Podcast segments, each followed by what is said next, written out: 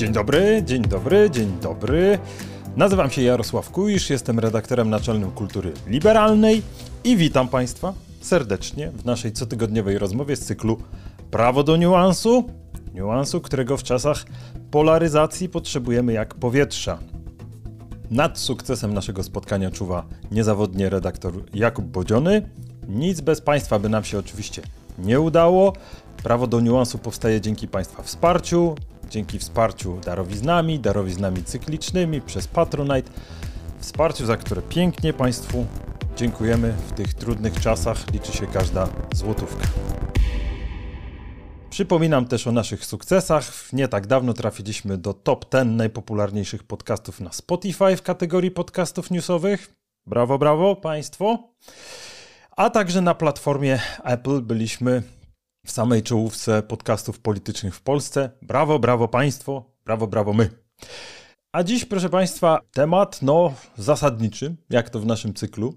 Temat e, poważny, temat, który dałoby się chyba rozpocząć od zadania pytania, czy jesteśmy narodem osób współuzależnionych? Jakiś czas temu gościłem Aleksandrę Zbroję, która opowiadała nam o książce Mireczek. Przypomnę, to była książka o tym, jak e, prawda, autorka próbuje zmierzyć się z e, dziedzictwem swojej rodziny, e, w której ojciec miał problem alkoholowy. My jednocześnie staraliśmy się wtedy porozmawiać o tym, o czym pisał pan Krzysztof Kosiński w swojej historii pijaństwa w czasach PRL, o tym, że to nie jest żaden jednostkowy problem, w żadnym wypadku. Mamy na to twarde dane i na przykład tutaj zaraz na wstępie historyk nam przypomina, że pod koniec lat 70. nadużywało alkoholu około 5 milionów osób, z których około 900 tysięcy nałogowo. Codziennie upijało się kilkaset tysięcy osób, głównie mężczyzn, część z nich w miejscu pracy. Statystyczny Polak wydawał na alkohol w ciągu roku jedną miesięczną pensję, Każdego dnia trafiało do izb wytrzeźwień ponad 800 osób.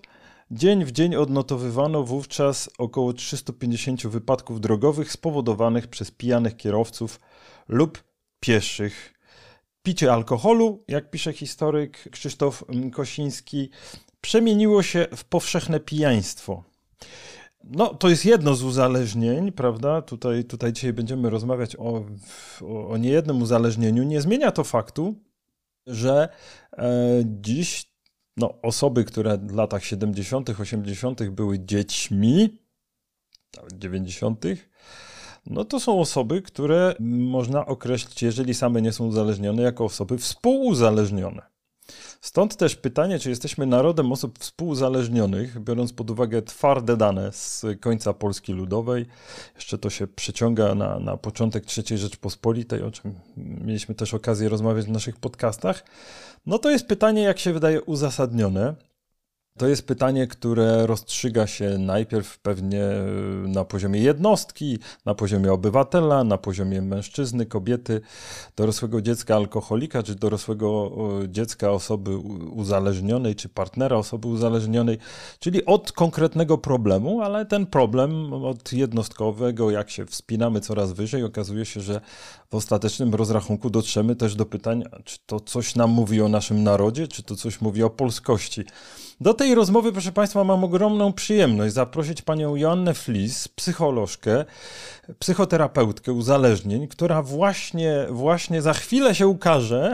Jej książka na temat współuzależnień, to zaraz pani Joanna, mam nadzieję, nam powie, kiedy będą Państwo mogli poznać tę książkę. Ja mam takiej wersji jeszcze zapowiedzi tej, tej, tej książki, ale myślę, że możemy anonsując już ten, ten ważny poradnik dla osób współzależnionych, porozmawiać o, o problemie osób współzależnionych, wychodząc od jednostek, a potem wspinając się coraz wyżej.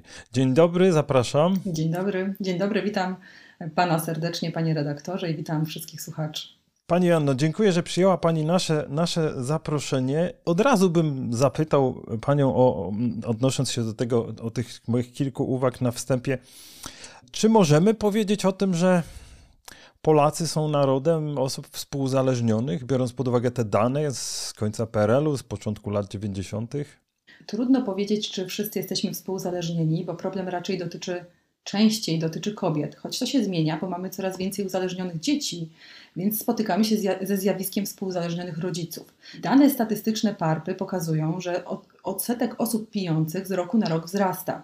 Więc trudno powiedzieć, że to jest problem przeszły, raczej powiedziałabym, że to jest problem bardzo aktualny i z pewnością duża część przede wszystkim kobiet, no bo z racji archetypu kulturowego opiekunki i domowego ogniska one są najczęściej delegowane do tych osób, które przejmują odpowiedzialność za pijących mężczyzn. Z pewnością z racji tych danych, tych kobiet współzależnionych jest mnóstwo. Plus dzieci. No właśnie, wydaje mi się, że tutaj już jakby zarysowaliśmy całą pulę tematów. E, no to może zacznijmy od takich e, właśnie stwierdzeń, bo wydaje mi się, że świat terapeutów tkwi w takim kokonie swojego języka, no nie mówię z żadnym zarzutem, tylko staram się zrozumieć, jak to jest, że mówimy o tak ważnych rzeczach, a to się nam odkleja od takich słów jak naród, e, jak polskość, no, no na litość boską mówimy o tych samych osobach. Pytam nie bez powodu, bo czytałem tę panią książkę z ogromnym zainteresowaniem, no i jak pani mówi o tym, że osoby współuzależnione, to może zacznijmy od tego, kto to jest, a potem przeszlibyśmy do, do, do, rozmowy o tym, jakie kody kulturowe pomagają stać się osobą współuzależnioną, bo to nie jest tak, że to się z księżyca bierze, prawda? Nie bierze się z księżyca. Jasne, że tutaj też transmisja pokoleniowa ma, ma duże znaczenie, więc, ale zacznę od tego, czym jest współzależnienie. Współzależnienie to jest taka sytuacja, w której jesteśmy w jakiejś relacji zależności od osoby, która funkcjonuje nieprawidłowo. I niekoniecznie to musi być osoba uzależniona od alkoholu, to może być osoba uzależniona od czegokolwiek innego, albo po prostu destrukcyjnie funkcjonująca, dysfunk dysfunkcyjnie. Jeżeli jesteśmy w zależności od takiej osoby i wpadamy na pomysł, że mamy na nią wpływ, czyli możemy zrobić coś takiego, e, co ją uratuje, de facto uratuje nas i nasz system rodzinny, który tworzymy, to wtedy rozwija się współzależnienie. Czyli w pewnym sensie tutaj pracuje po pierwsze zależność emocjonalna, ale po drugie takie przekonanie o niekończącej się mocy i sprawczości w relacji z drugim człowiekiem. Mhm. No właśnie, i tutaj, i tutaj sobie myślę, że, że tak jak pani opisuje to w, swoim, w swojej książce, to taka osoba współuzależniona wchodzi w pewną sytuację z osobą uzależnioną. No, ja zacząłem od tego alkoholizmu, ale pani pokazuje, że ta paleta współuzależnień to dzisiaj obejmuje całe spektrum, aż po uzależnienie od gier komputerowych, co, co zresztą samo w sobie jest pewnie, pewnie osobnym tematem, ale, ale mamy taki zestaw, e, no właśnie, kodów kulturowych, że na przykład cierpienie uszlachetnia. E, to jest, to jest twierdzenie, które jako żywo w polskiej kulturze nie tylko się pojawia, ale jeszcze jest pozytywnie oceniane takie. Że pocierpieć to, co nas nie zabije, to nas wzmocni, prawda? O, o, następne, piękne. Jakie pani stanowisko zajmuje wobec tego? Jesteśmy wychowywani do dzielności. Mhm. Dużo się mówi w Polsce o dzielnych dzieciach i dzielnych dorosłych i już w dzieciństwie są takie narracje, dotychczas, tak, że mówimy dzieciom, ale jesteś dzielny, tak, że tam rozbiłeś kolano i nie płaczesz. I to jest taki początek. Ja jestem fanem odwagi, ale odwaga jest czymś zupełnie innym od bycia dzielnym, bo dzielna jestem wtedy, kiedy wiem, że mam straty i zdaję sobie z tego powodu sprawę i traktuję się przedmiotowo po to, żeby zaspokoić potrzeby gremium społecznego, które mnie po prostu deleguje do dzielności. Więc myślę sobie, że to jest taki początek, że dla nas szlachetność jest wtedy, kiedy ja siebie poświęcam. Poświęcam się i to dobrze. I to dobrze.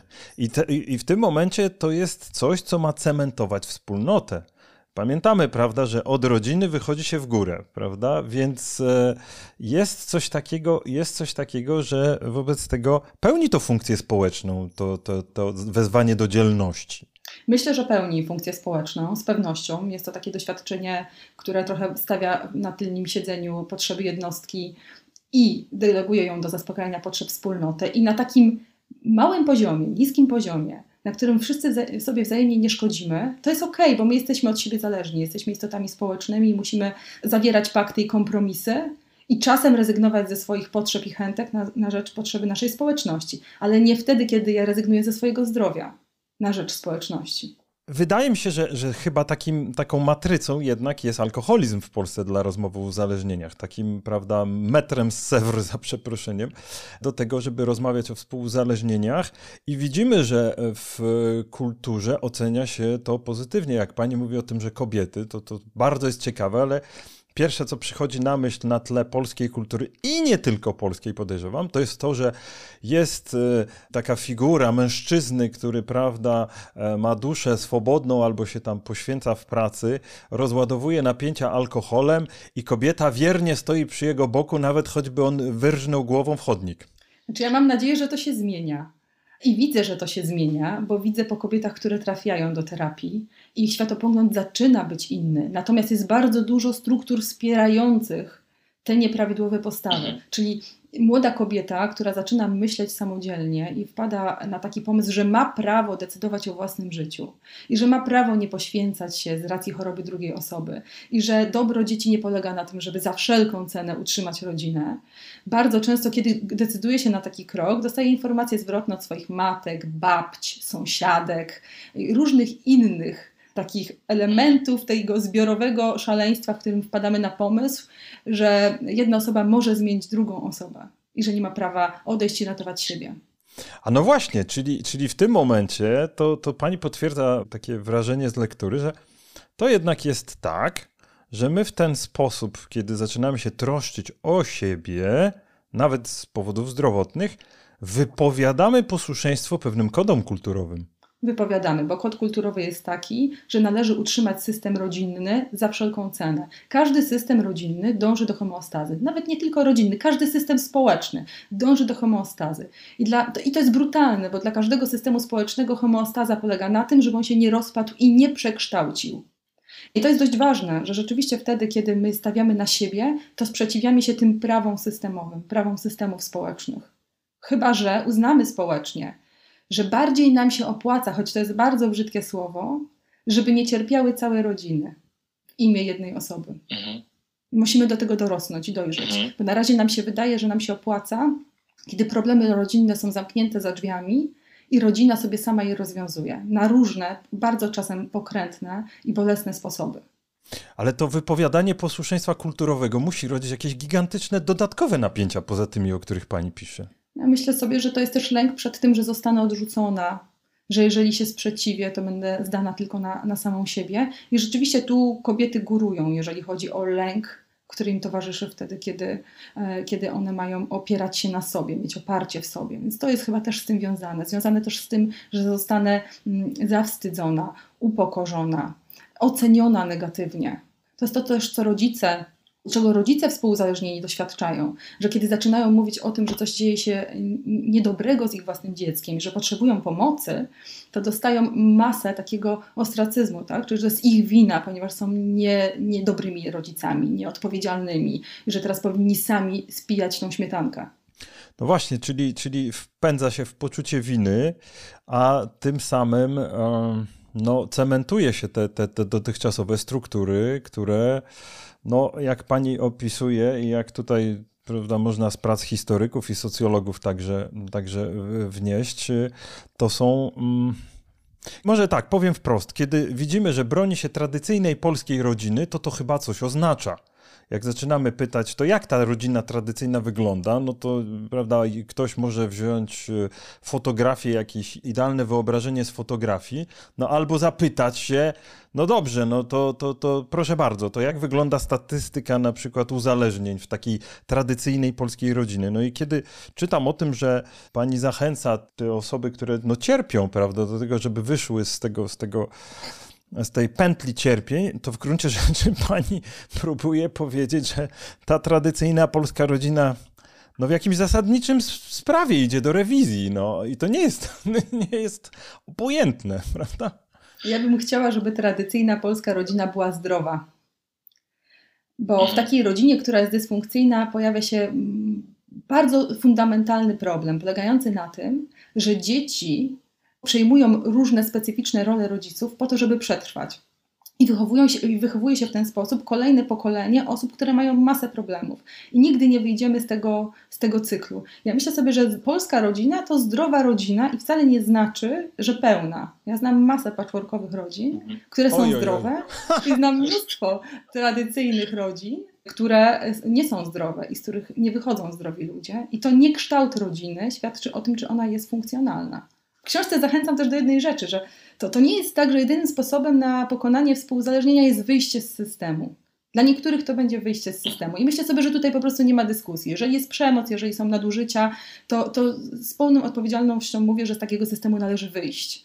Natomiast jeżeli to jest tak, że, że łączy nas jakaś miłość i ktoś po drugiej stronie wkłada jakiś wysiłek w to, żeby się zmienić, a ja jestem w stanie wybierać zdrowo, czyli zajmować się sobą, to wtedy mogę zostać. To jest zawsze wybór. Jesteśmy wolnymi ludźmi, mamy prawo wybierać. To jest ważniejsze niż kod kulturowy, w którym żyjemy. Oj, nie wiem, bo jak czytam tę panią książkę, to myślę sobie, że miłość z poczuciem winy może być tak spleciona, że człowiek ma kompletny mętlik w głowie i wcale nie jest prosto powiedzieć, e, tu się kończy miłość, tam się zaczyna moja autonomia, a tu jeszcze przebiega granica z poczuciem winy, które może być wdrukowane od najmłodszych lat, bo my tu mówimy o tradycyjnej polskiej rodzinie, to skala tych współuzależnień i uzależnień jest, e, idzie w miliony, w związku z tym można by było nawet zaryzykować taką tezę, że w ogóle tradycyjna polska rodzina, przynajmniej w milionowych jakichś zasięgach, prawda, jak tu pan Kosiński nam nam zwraca uwagę, no, że to jest rodzina uzależniona i współuzależniona, czyli że, że to, jest, to jest tradycyjna polska rodzina, no, przynajmniej dla wielu osób. Dla wielu osób rodzina mm, ma odwrotną strukturę, czyli ludziom się wydaje, że zdrowa rodzina to taka, która ma zewnętrzne granice bardzo szczelne, czyli nikt nie może tam zajrzeć i, i, i wiąże nas jakaś lo, lojalność rodzinna, a wewnętrzne granice są rozpuszczone, czyli każdy odpowiada za każdego.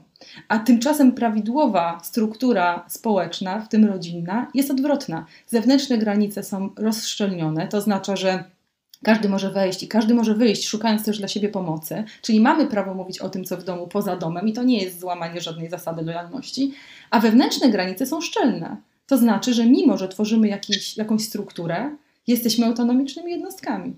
Oj, znam paru polityków, którzy by się z panią nie zgodzili. Niemniej, niemniej bardzo ciekawe jest, bo pani tutaj przytacza jednego z, z badaczy, e, który podkreśla, co to jest zdrowie. To bardzo do, dobrze jest zapytać czasami, co to jest zdrowie w tej sytuacji, bo można odnieść wrażenie, że wszyscy, wszyscy na coś tam zapadliśmy i wszyscy cierpimy. Zdrowie polega na tym, aby świadomie poszerzać lub zawężać krąg osób, wobec których odczuwamy pewną lojalność. Tak dynamit w polskich warunkach. My mamy prawo zawężać lojalność nawet wobec osób, które są naszymi rodzicami albo które są naszymi partnerami, partnerkami. Mamy prawo to robić i to jest wymiar zdrowia. E, I myślę, że ta przemiana jest też możliwa dlatego, że kobiety są coraz bardziej samodzielne. Więc tych zależności, które były kiedyś między kobietami a mężczyznami, już nie ma. Bo ja sobie wyobrażam, że kobieta, która nie miała, nie miała pracy, nie, nie mogła się sama utrzymać i była całkowicie zależna od mężczyzny, z którym jest, niewiele miała do powiedzenia w kwestii swojej autonomii i wolności. I raczej praca z nią nad współuzależnieniem no, mogłaby przynieść jej przede wszystkim jakieś cierpienie ze względu na jej totalną zależność. I to nie emocjonalną, tylko taką życiową, finansową, materialną. Właśnie, pani, pani chyba rzeczywiście tu bardzo liczy na to, że kobiety zmienią Polskę. E, ja mogę, mogę przyklasnąć temu pomysłowi, ale muszę powiedzieć, że te kody kulturowe i uzależnienia są tak silne, że czasami zwracam uwagę na to, że pewna autonomiczność pań w Polsce jest pozorna, to znaczy na poziomie deklaracji, nawet wykształcenia, statusu zawodowego. Ho, ho, ho, to, to, to, to powiedziałbym, e, takich rzeczy nie widziała Rzeczpospolita, żeby, żeby tak e, samodzielne panie były w sferze zawodowej, czy nawet retorycznie. Ale kiedy zaczynamy się przyglądać, jak te rodziny funkcjonują w praktyce, a do tego pani ma okazję, prawda, przyglądać się temu, jak to tam jest naprawdę za drzwiami, no to bardzo często te panie są jednak, pomimo osiągnięć wielkich, w tak jakby ta tradycyjna polska rodzina z tymi zewnętrznymi granicami lojalności jakby odradzała się na innym poziomie. Nie wiem, czy, czy, czy pani to zauważa w, w swojej pracy? Znaczy, my jako kobiety mamy zdecydowanie dłuższą tradycję związaną z zależnością emocjonalną od mężczyzny. Mhm. W ogóle od, od, od, społeczności, do której przynależymy. Jesteśmy bardziej współzależne, bardziej wspólnotowe. Mężczyźni zdecydowanie są e, bardziej sprawczy i mają. A dlaczego? Dlaczego? Psychologia ewolucyjna to tłumaczy, historia naszych przodków to tłumaczy. Zdecydowanie kobieta jest zależna od wspólnoty, bo kiedy na przykład wychowuje potomstwo, to to, czy ono przetrwa, zależy od tego, czy ona nie zostanie przez swoją wspólnotę porzucona, w tym przez mężczyznę. Więc Aha. i to wiele, wiele badań tak naprawdę potwierdza z psychologii ewolucyjnych te, te tezy. Więc my mamy taką predyspozycję do cenienia wspólnoty i do współzależności. Ja myślę sobie, że to, o czym e, Pan mówi, o tej pozornej niezależności, dotyczy właśnie tej delikatnej wiązki związanej z emocjami. Że dużo, mhm. dużo kobiet bardzo głęboko w swoich przekonaniach tożsamościowych ma taki zapis, że bez mężczyzny niewiele znaczy, że bez rodziny Aha. niewiele znaczy, że bez dzieci niewiele znaczy. Aha. I kobiety centralizują związki w swoim życiu. Rzeczywiście centralizują związki w swoim życiu i to jest pułapka. No właśnie, ale wie pani, to, to, to jest tak, że już nie będę podawać przykładów, ale są panie, które są bohaterkami dla kobiet w sferze publicznej, jakieś e, super niezależne, autonomiczne panie, a potem po latach się okazuje, że właśnie tak jak pani to określiła, że to była pozorna niezależność, że, że, że, że to był tylko pewien rodzaj awatara, prawda, publicznego. Jak sobie z tym radzić? Jak, jak pani radzi? Co, co robić z tym? Trzeba najpierw zacząć, zacząć sprawdzać, badać, na czym polega moja zależność emocjonalna, bo najczęściej polega na lęku przed samotnością, na lęku przed samodzielnością. Najczęściej kobiety współzależnione, ale mężczyźni też, choć ich, ich jest zdecydowanie mniej, przechodzą ze związku do związku. Są trochę jak taki tarzan, czyli łapią kolejną linę, żeby nie stanąć na ziemi. I ten splot tych związków to jest tak naprawdę ucieczka przed samotnością. I moim zdaniem to jest fundamentalny kłopot, że ludzie boją się sam, samotności, bo wtedy, kiedy jestem sama ze sobą, to po pierwsze mogę tylko na sobie polegać, choć też muszę się uczyć, tak? Polegać na innych ludziach, nie tylko w związku partnerskim, ale też dochodzą do mnie różne moje neurozy, różne moje kłopoty. I my tworzymy taki szum wokół siebie. Słuchamy, oglądamy, uczestniczymy w różnych grupach, więc pod tym względem Myślę, że niewiele kroków w przód wykonaliśmy jako ludzie, jeżeli chodzi o znoszenie stanu samotności. Dlaczego teraz, właśnie teraz, ten temat uzależnień, współuzależnień z taką siłą pojawił się w sferze publicznej. Widać naprawdę bardzo dużo książek na ten temat, widać zainteresowanie. Dlaczego akurat teraz? Ja myślę, że dlatego, że pokolenie e, dzisiejszych 35, 30-latków, 40-latków po prostu jest w tej chwili w kryzysie wieku średniego albo połowy życia i podsumowuje. Poza tym większość z nas z tego pokolenia zaczyna mieć już doświadczenia własnego rodzicielstwa, szuka odpowiedzi na temat tego, jak to rodzicielstwo powinno wyglądać, jak wygląda zdrowa rodzina i to zmusza, ta nowa wiedza zmusza nas do cofania się, odczytywania swojego życia na nowo do takich nowych mhm. narracji na temat swojego, swojego życia i swoich własnych doświadczeń. I myślę, że to jest o tym. Ale poprzednie pokolenia też docierały do czterdziestki. Tak, docierały, ale nie miały takiej wiedzy na temat psychologii, na temat mechanizmów uzależnienia, na temat współuzależnienia. Psychologia jest młodziutką dziedziną. Więc te Aha. poprzednie pokolenia nie miały szansy docierać do takich treści. Czyli odpowiadały sobie na te problemy w inny sposób. Tak? Odpowiadały sobie w inny sposób, bądź tolerowały, przenosiły z pokolenia na pokolenie. Ta transmisja tak, pewnych zachowań była czymś naturalnym. Nikt się nie zastanawiał nad tym. Nie chcę tutaj nikogo urazić, bo może było dużo osób, które się zastanawiały, ale myślę, że większość nie zastanawiała się nad tym, jak mogłoby być inaczej. To trochę tak jak z traktowaniem dzieci. Jak długo my, jako ludzie, traktowaliśmy dzieci jako nieprawomocnych członków rodziny. Dzieci ryby głosu nie mają. To są doświadczenia lat 90., 80. Dopiero wtedy zaczęło coś się zmieniać w rodzicielstwie, w postrzeganiu człowieka w dziecku. Od kurczaka, mhm. powiedziałabym, gdzieś ta zmiana się zaczyna, więc e, no, musimy się zastanowić nad tym, że po prostu zmienia się nam światopogląd, bo mamy dostęp do coraz większej wiedzy. Czasem ta wiedza szkodzi, bo jeżeli wykorzystujemy ją w sposób nieprzemyślany albo wybiórczy, no to mamy wysyp teorii spiskowych różnych na temat świata. Ale właśnie takie, tak bym powiedział, że jeśli, jeśli tak, to jest, że zgromadziliśmy pewien zasób wiedzy i że to jest pierwsze pokolenie, które mm, no, dociera do momentu, w którym dokonuje e, na podstawie tej zgromadzonej wiedzy psychologicznej jakiejś refleksji, to to musi też budzić jakieś napięcia międzypokoleniowe, prawda? To znaczy, że starsze pokolenia mają swoje nawyki, mają swoje, swoją wizję rodziny. No i bach! Znowu polska rodzina pod napięciem, nie jest tak? Tak musi być. Dzięki temu, że są konflikty międzypokoleniowe, my się rozwijamy. Dzięki temu, że są konflikty międzyludzkie, my się, my się rozwijamy. Jest taka piękna zasada, że konflikt musi się opierać na, na, na tym, że mamy szansę dialogować, a, jeżeli, a dialog polega na tym, że chcemy się nauczyć czegoś od drugiej osoby. Jeżeli ja wchodzę w dialog i nie chcę się niczego nauczyć, no to wtedy to nie będzie kryzys rozwojowy. Więc jest szansa, że jeżeli te pokolenia będą chciały na nowo odczytać historię i, i, i się czegoś od siebie wzajemnie nauczyć, to że to będzie dla nas kryzys rozwojowy. To jest może hura optymistyczna, ale liczę na to jako psycholog, że ludzie mają taką moc zmiany pod warunkiem, że jej chcą. Jak, jak, jak słucham pani, to mam takie wrażenie, o rany, dlaczego tak dużo osób nie chce usłyszeć takiego przekazu?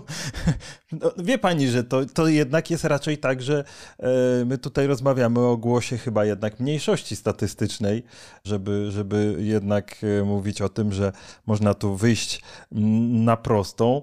Przeciętny rodak, nie wiem, może się mylę, niech będzie, że się mylę, odpowiedziałby, a może musimy być od czegoś uzależnieni? A co jest w tym złego, żebyśmy mieli być uzależnieni?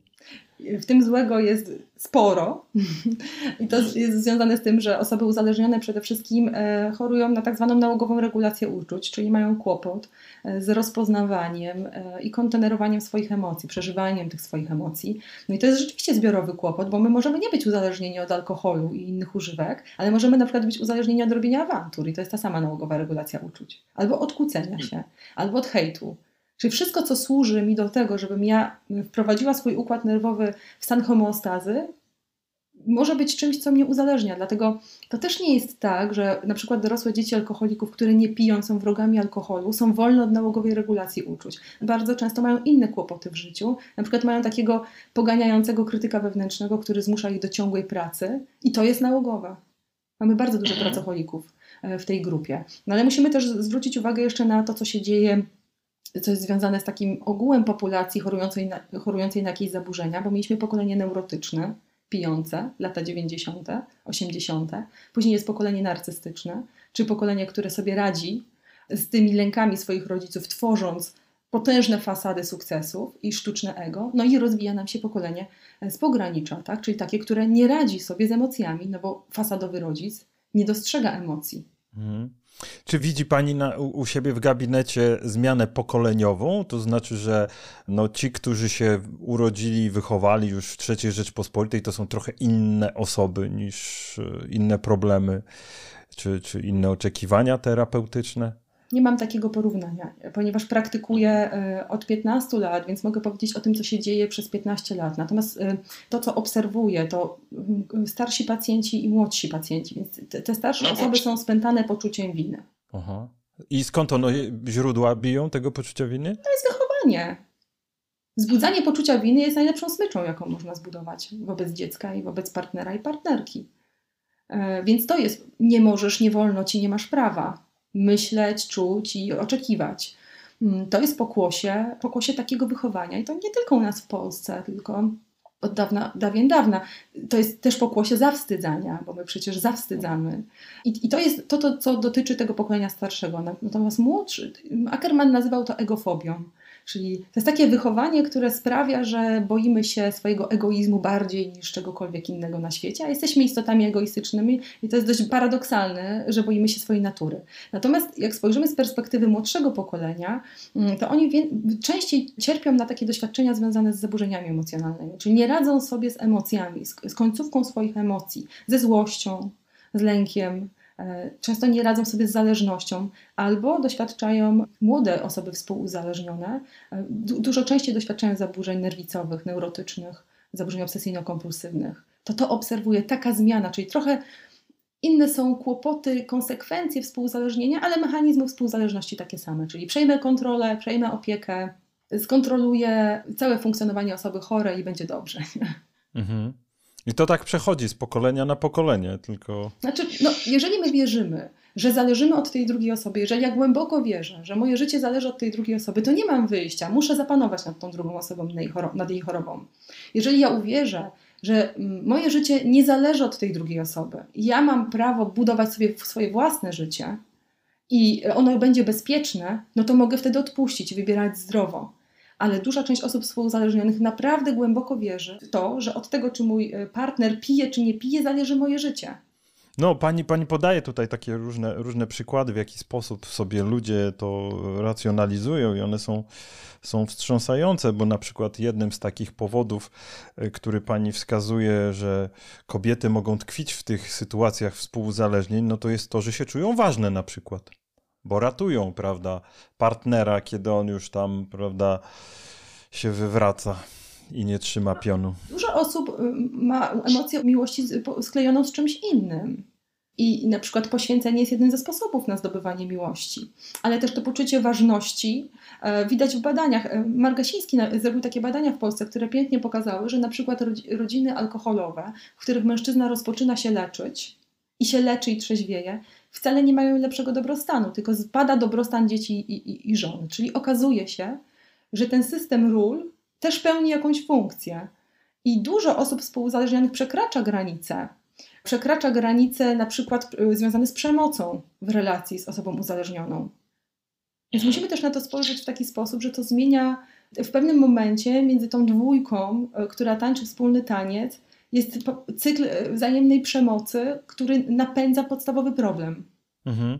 To ciekawe, bo, bo tak teraz mi przyszło do głowy, że jak pani opowiada o tym, o tym e, wprowadziła pani tu następne słowo obok tego cierpienia, teraz poświęcenie. No to wiadomo, że poświęcenie jest e, bardzo dobrze widziane w naszej kulturze i tak sobie myślę, że e, jest być może jeszcze jeden powód, dla którego poza stanem wiedzy zgromadzonej psychologicznej, no jest taki, że rzeczywiście od 30 lat żyjemy na swoim, od 30 lat y, strategię przetrwania polskiej rodziny, bo kto jeszcze pamięta lata 80., to, to sobie może przypomnieć, że jedna ze strategii przetrwania to było zapewnienie półświniaka na przykład do zamrażalki wrzucić, żeby przetrwać e, deficyty wyrobów mięsnych, albo też e, w ogóle przetrwać, e, tworzyć jakieś takie sieci powiązań dobrze opisane też już przez socjologów, e, żeby dostarczyć ubrania, jakieś, prawda, Mieszk deficyt mieszkań przekładał się na to, że ludzie mogli się rozwieść, a i tak nie było się dokąd przeprowadzić.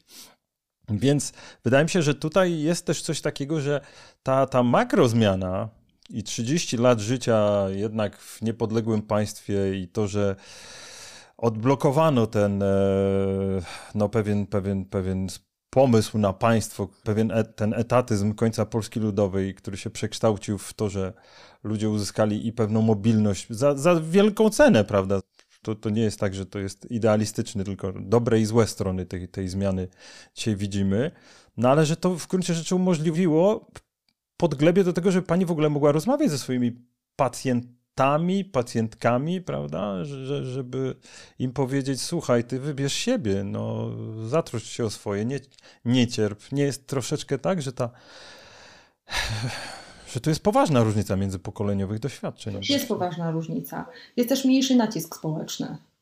Więc społeczeństwo troszkę mniej oczekuje tych poświęceń, no bo może sobie zdajemy sprawę z tego, że poświęcenie deleguje drugą osobę, osobę do jakiejś pokory wobec nas i jak poświęcamy się na przykład dla własnych dzieci, to strasznie je obciążamy koniecznością tego odpłacenia nam.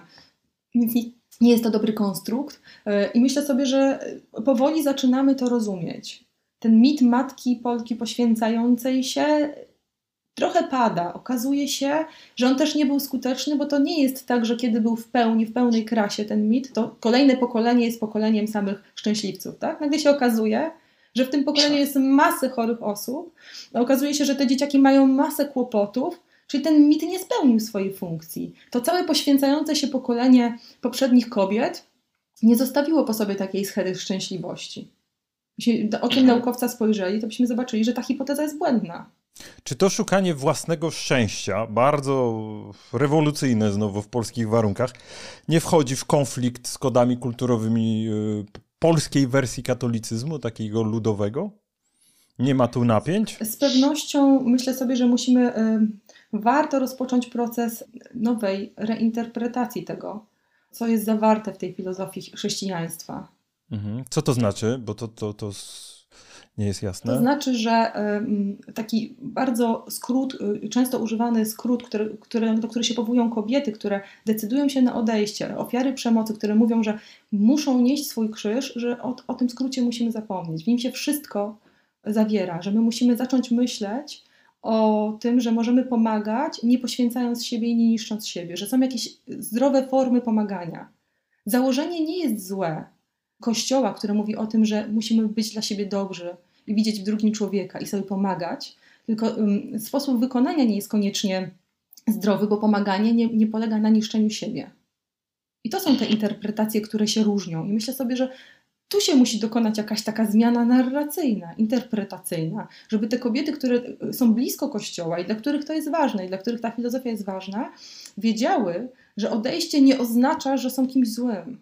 No, ale, ale, ale rozwód staje się problematyczny, prawda? Bo zniechęcanie do rozwodu to jest przecież e, jakby częścią, częścią przesłania i y, samodzielność kobiet też mi się wydaje może być problematyczna z tego punktu widzenia, jeżeli, jeżeli kobieta miałaby wy, wyjść z tego cyklu przemocy, poświęcenia, bo pani wyraźnie pisze, że są takie momenty, w których no, trzeba powiedzieć, że jestem bezradny, jestem bezradna i, i, i opuścić taką toksyczną relację.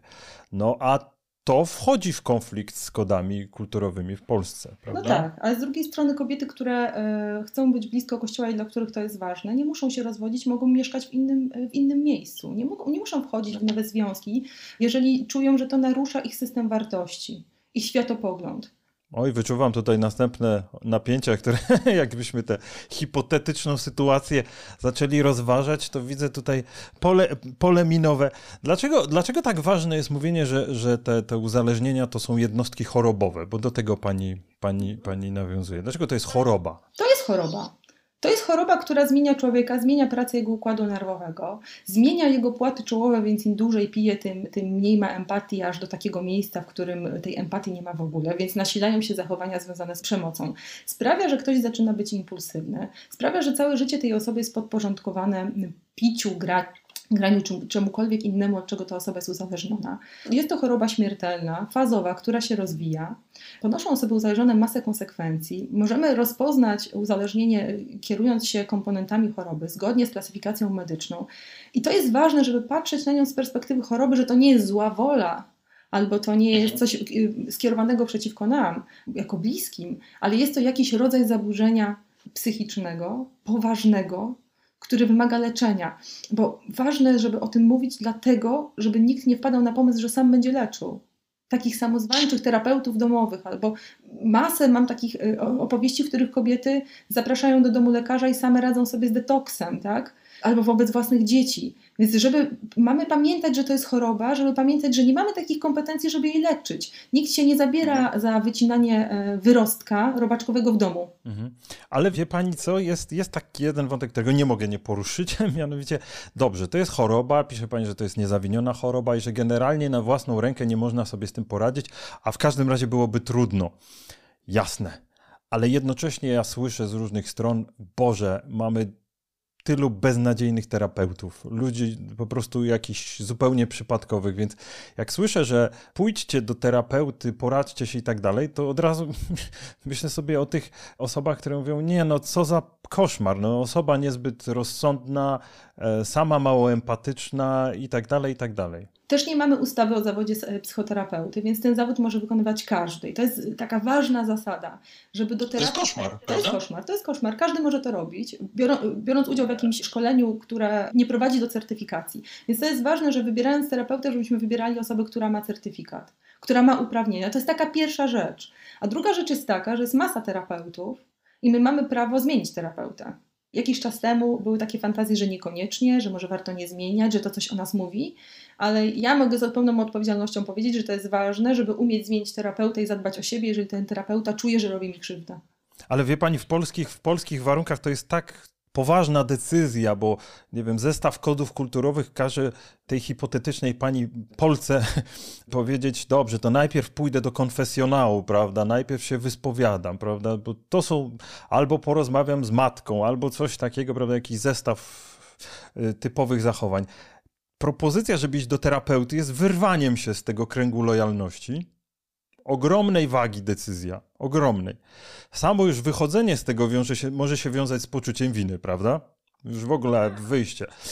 i dalej jeszcze trafia na jakąś przypadkową osobę, terapeutkę, o matko, to już po prostu jest yy, prosta droga do tego, żeby się zrazić, no bo to jest delikatna sprawa, żeby się zrazić i no i ta motywacja spada, szczególnie, że to jeszcze nie są często tanie sprawy, że to, to terapia może być kosztowna. Może być kosztowna, ale inna droga jest częstsza. Inna droga polega na tym, że kiedy ja trafiam do terapeuty i zaczynam się zmieniać i wprowadzać nowe zachowania, to jest taki opór rodziny i starego systemu, który przy, próbuje mnie przywrócić do starej roli. No teraz, jeżeli ja e, mam uzależnionego męża i przestaję go utrzymywać, opierać, karmić, zmieniam się, no to teraz jego rodzice. pani złą żoną. Teraz jego rodzice, tak? Ktoś musi chcie, chcieć przejąć tą rolę, tak? Jego rodzice, dzieci, tak? Bliscy, znajomi dzwonią, tak? Czyli jest masa oporu. No i rzeczywiście jako terapeuta bardzo często jestem w takiej roli tej czarownicy, której nikt nie lubi z systemu, z którego ktoś przychodzi, no bo zmiany mhm. zaburzają tą homeostazę rodzinną. E, więc dobrze by było, żeby taka rodzina, która zmaga się z takim problemem, brała udział w terapii systemowej. To są moje fantazje. Mam nadzieję, że wiele osób z nich skorzysta. Natomiast rzeczywiście to byłoby ważne. To też wynika pośrednio z Pani książki, że dotychczasowy system instytucjonalnego wsparcia nie działał. To znaczy, czyli, że te wszystkie sposoby, o których mówiliśmy, radzenia sobie, no, no przynajmniej dla, dla, dla dużego grona Polaków, no nie były wystarczające, skoro muszą czują, że już nie są w stanie wytrzymać z pewnymi problemami, szukają pomocy, prawda? Nie był wystarczający, bo w tej chwili mamy y, coś takiego jak terapia współuzależnienia i ona działa przy poradniach uzależnień i z niej zawsze można skorzystać, e, ale nie we wszystkich miastach są poradnie uzależnień. Godziny też są okrojone, no bo gro kontraktu jednak idzie na osoby uzależnione, tego kontraktu NFZ. Więc to rzeczywiście był kłopot. Myślę, że ta oferta dla osób współuzależnionych jest zbyt wąska. Zmienia nam się też y, kształt tych osób współuzależnionych, bo na przykład mamy właśnie bardzo dużo współuzależnionych rodziców dorosłych dzieci, bo mamy to pokolenie kanapkowe, tak? czyli dzieci, które mają na sobie i dzieci i swoich rodziców, ale mamy też tych gniazdowników, którzy zostają przy rodzicach, a jest jeszcze taka nomenklatura, która mówi o, o, domu zagraconym, gnieździe zagraconym, czyli o takich dzieciach, które wracają z tymi gratami, czytaj tutaj problemami swoimi do tych rodziców i oczekują opieki, wracają do tej starej mhm. roli. I dla tych rodziców jest mała oferta. Musimy e, się zastanowić, co możemy zaoferować rodzinom z uzależnionym w leczeniu. Bo dla tych na przykład nie ma kompletnie żadnej oferty, dla całych rodzin z uzależnionym w leczeniu. Mhm. No tak, to, to muszę powiedzieć, że, że tutaj przypomina mi się taka jedna świetna książka Strach ucieleśniony Bessera van der Kolka, to na pewno pani zna, gdzie on pokazywał, że jest jeszcze jeden powód, o którym żeśmy nie mówili, ale zbadany, zbadany naukowo, to bardzo było intrygujące, że e, po prostu wysypuje się zdrowie że to nie są jakieś fanaberie, żeby sobie poprawić, bo tu mówiliśmy tylko o tej motywacji poprawienia jakości życia, a tam jest motywacja trochę bardziej dramatyczna, to znaczy, że jeżeli po 20 latach czy, czy 25 wracają do tej osoby pewne problemy, to często nie tylko dlatego, że jest kryzys wieku średniego, ale dlatego, że po prostu organizm przestaje sobie radzić z rozwiązywaniem tych problemów i zaczyna się sypać zdrowie. Oczywiście, większość osób współzależnionych cierpi na zaburzenia adaptacyjne, czyli PTSD, czyli to trochę tak jakby wrócili z wojny. E, a PTSD generuje tak dużą ilość kortyzolu, że ten kortyzol, takim bardzo kolokwialnym językiem mówiąc, niszczy organizm. Czyli co się pierwsze sypie, żeby na koniec pani powiedziała naszym tutaj widzom, słuchaczom, że jak się coś wysypuje od tej nadmiaru kortyzolu, to, to na co mają zwrócić uwagę? A, no tutaj jest bardzo dużo różnych rzeczy bo na przykład kobiety cierpią na regularne e, migreny, później mają jakieś tętniaki, udary, zawały, to jest coś takiego u szczytu. Hashimoto, które teraz króluje chyba na salonach. To jest jedna z chorób autoimmunologicznych, czyli mówimy o wszystkich chorobach autoimmunologicznych, ponieważ system odpornościowy wtedy, kiedy jest dużo kortyzolu, się niszczy. Więc zwróćmy uwagę na zaburzenia autoimmunologiczne, zwróćmy uwagę na zaburzenia psychiczne, czyli zaburzenia lękowe, e, zaburzenia depresyjne, a nie rzadko rozwijające się uzależnienie, no bo to wcale nie jest tak rzadko, że osoba współuzależniona zaczyna pić z uzależnionym. Albo częstszy zestaw, osoba współuzależniona jest uzależniona od leków uspokajających. Okej, okay, czyli mamy już tutaj cały zestaw sygnałów. Pani Janno, ja bym jeszcze rozmawiał z Panią pewnie długo i nasi słuchacze by tego sobie pewnie życzyli, ale to może będzie dobry powód, żeby jeszcze zaprosić na rozmowę przy następnej okazji. Przypomnijmy, premiera Pani książki jest 9 marca, prawda? 9 marca, tak. 9 marca dla osób współuzależnionych chyba, chyba miliony Polaków tutaj mogą być zainteresowane Pani książką. Jeszcze raz dziękuję za przyjęcie zaproszenia. Miłego dnia. Dziękuję, miłego dnia. Proszę Państwa, a ja tylko przypominam, że Prawo do Niuansu jest czwartkową odmianą wideo podcastu kultury liberalnej. Mogą nas Państwo oglądać na żywo, Facebook, YouTube i tak dalej, ale także słuchać, słuchać w ulubionych serwisach streamingowych i polecać. Proszę polecać nas dalej, proszę nas abonować i wystawiać e, noty e, dobre, jeżeli tak Państwo uważają, lub gorsze, jeżeli Państwo uważają, że tutaj coś nie zadziałało.